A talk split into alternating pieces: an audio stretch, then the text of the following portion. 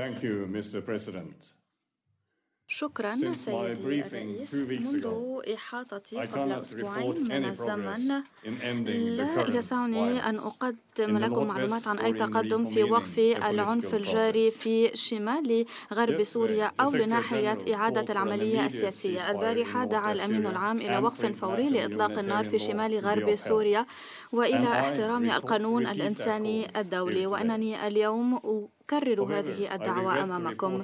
ولكن يؤسفني أن أبلغ هذا المجلس بأن الأعمال العدائية بما في ذلك الغارات المكثفة من الأرض والجو تستمر. وكما أشار الأمين العام وكما سوف يشير مارك لاحقا نحن نشعر ببالغ القلق حيال التدهور السريع للحالة الإنسانية في شمال غرب سوريا. وحيال المعاناة المريرة للمدنيين.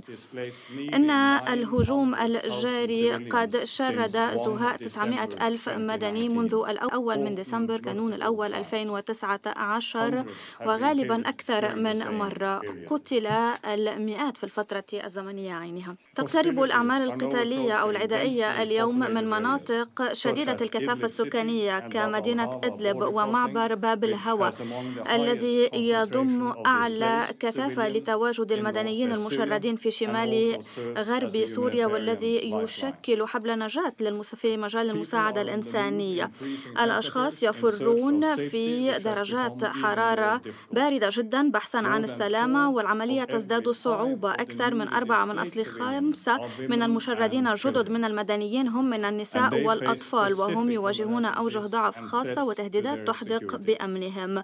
الأطفال الصغار يموتون جراء البرد القارس إن إمكانية المزيد من التشريد الجماعي والمعاناة الإنسانية الكارثية جلي حيث أن أعداد متزايدة من الناس تنحشر في مكان يزداد تضاؤلا. إن قوات الحكومة السورية وحلفائها قد استعادوا السيطرة الآن على مجمل الجانب الشرقي للطريق السريع M5 والكثير من الأراضي غربي هذا الطريق السريع بما في ذلك غربي ريف حلب.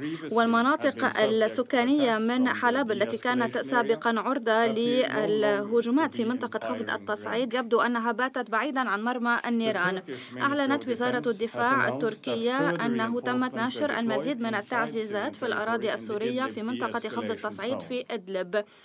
وأفادت تقارير عن نشر هذه القوات على مقربة من الجبهات في مركبات ودبابات مدرعة. ولقد شاهدنا اشتباكات متجددة عنيفة بين القوات الحكومية السورية والتركية. وبدوره أن الاتحاد الروسي ضالع في دعم العمليات العسكرية للحكومة السورية. أن هيئة تحرير السام وغيرها من المجموعات الإرهابية المحظورة تبقى ذات حضور كبير في إدلب. إن القرارات كالقرار 2253 و 2254 تدعو الدول الأعضاء إلى منع الأعمال الإرهابية وقمعها الأعمال التي ترتكبها هذه المجموعات والقضاء على الملاذات الآمنة التي أنشأتها. ولكن أن العمليات العسكرية من جانب كل الأطراف بما في ذلك الأعمال التي تستهدف المجموعات الإرهابية أو التي تقوم بها هذه المجموعات الإرهابية يجب أن تحترم قوانين وموجبات القانون الإنساني الدولي بما في ذلك حماية المدنيين والأعيان المدنية.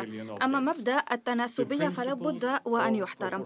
وأشدد على ذلك في اتصالات رفيعة المستوى مع مسؤولين كبار في روسيا وتركيا وذلك في مؤتمر بيونخ للأمن نهاية الأسبوع الفائتة وكذلك مع مسؤولين رافعين إيرانيين في طهران.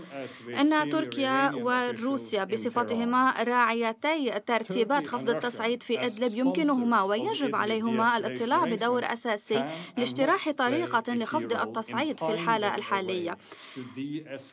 الوفود الروسية والتركية التقت بشكل كبير في الأيام الأخيرة في أنقرة وميونخ وموسكو وقد جرت عمليات تواصل أيضا على المستوى الرئاسي ولكن لم يبرز بعد أي تفاهم. خلافا لذلك إن البيانات العلنية من مختلف المقار ومن سوريا وعلى الصعيد الدولي أيضا تشير إلى خطر وشيك بمزيد من التصعيد.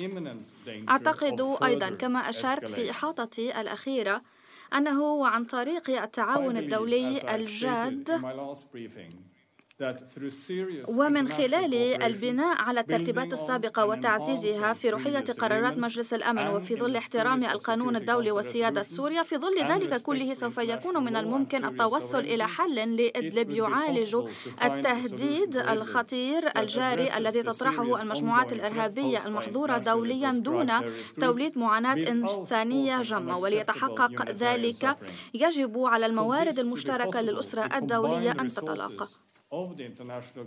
سيدي الرئيس. تحصل تطورات مقلقة في أماكن أخرى ميدانيا. فالحالة في جنوب سوريا تبقى مصدر قلق. شمال ريف حلب شهد تجددا في الأعمال العدائية. لا سيما حول وداخل عفرين تل رفعت نبول والزهرة وأفادت تقارير عن إصابات في صفوف المدنيين. كما أن إعادة بروز تنظيم داعش إلى الوجه مقلق إلى الواجهة عفوا مقلق مع اعتداءات متكررة في منطقة الشمال الشرقي وفي البادية حول حمص ومناطق أخرى. الأسبوع الفائت ورد في بيان عن الجيش السوري أن الدفاعات الجوية للحكومة السورية استجابت لصواريخ من العدو آتية من الجولان السوري المحتل. أما في الشمال الشرقي فهناك توترات لم تعالج بعد في ظل وجود العديد من الأطراف الفاعلة. كما أن الناطق باسم التحالف بقيادة الولايات الأمريكية أشار إلى أن دورية أمريكية تعرضت لأعيرة نارية خفيفة من أعضاء في ميليشيا محلية وأدى ذلك إلى مقتل مقاتل. كما أن الوسائل الإعلامية السورية أشارت إلى أن الشخص كان مدنيا سوريا. هذه الحادثة تذكرنا تذكيرا صارخا بالحاجة إلى تسوية مستدامة لمنطقة الشمال الشرقي مع كل الأطراف الضالعة. حل يحترم سيادة سوريا وسلامة أراضيها واستقلالها تماشيا والقرار 2254 إن الهول المريع للمعاناة الإنسانية سببه الأساس هو النزاع العنيف وبصورة أوسع إن الاقتصاد السوري لا يزال يواجه تحديات جمة ناتجة عن جملة من العوامل والتطورات والتدابير. سيدي الرئيس هذه التطورات كافة في البلد.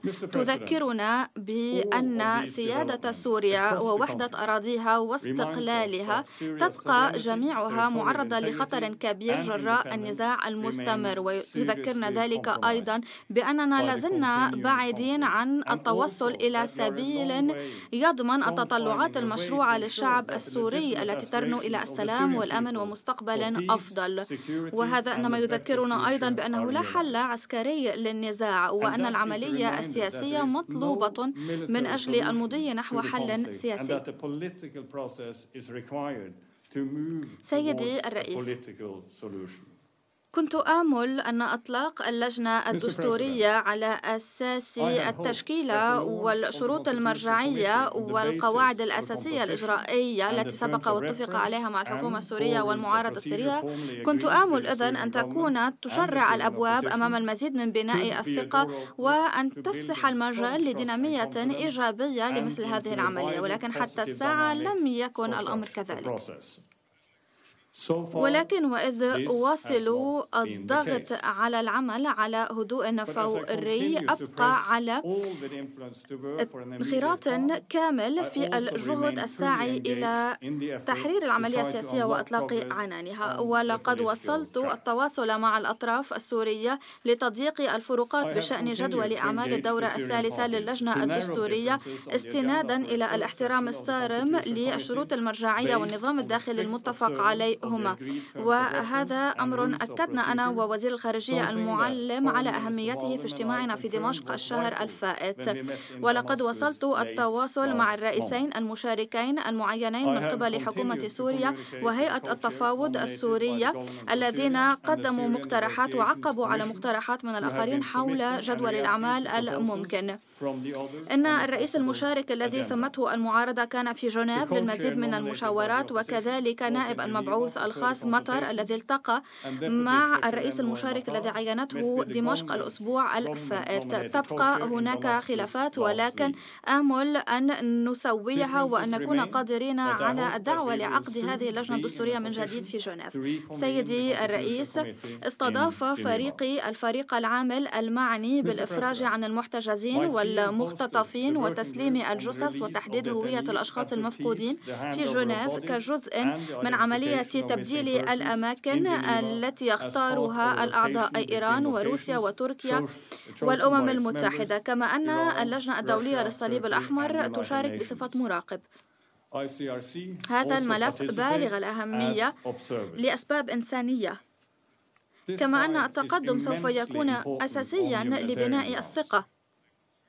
اتسمت النقاشات بالطابع البناء ولا سيما بشأن العمليات المتصلة بالمسألة الأساسية ألا وهي الأشخاص المفقودين. ولكن الجهود بشأن هذا الملف لم تفضي بعد إلى تقدم مجد من حيث الوتيرة أو النطاق فيما خص الإفراج عن المحتجزين وجلاء مصير عشرات الآلاف من السوريين المفقودين.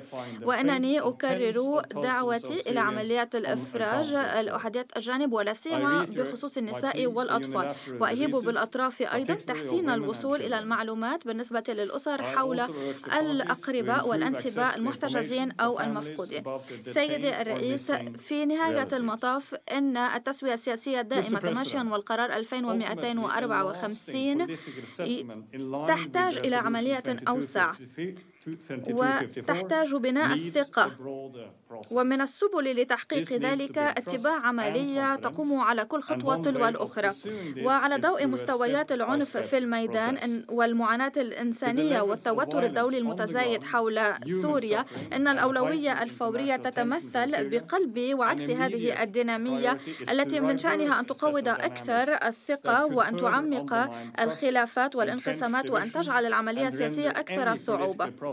ولكن وفيما يتجاوز ذلك يجب أن ننظر في سبيل المضي قدما استنادا إلى إجراءات متبادلة يقوم بها السوريون والشركاء الدوليون وأعتزم مواصلة هذا النقاش مع الحكومة السورية ومع المعارضة السورية وسائر أصحاب الشأن الدوليين. وأعتقد أن انعدام الاستقرار والمعاناة العميقة اللذين تخبرهما سوريا اليوم يذكران بأن هذا النهج السياسي هو السبيل الوحيد المستدام للمضي قدما.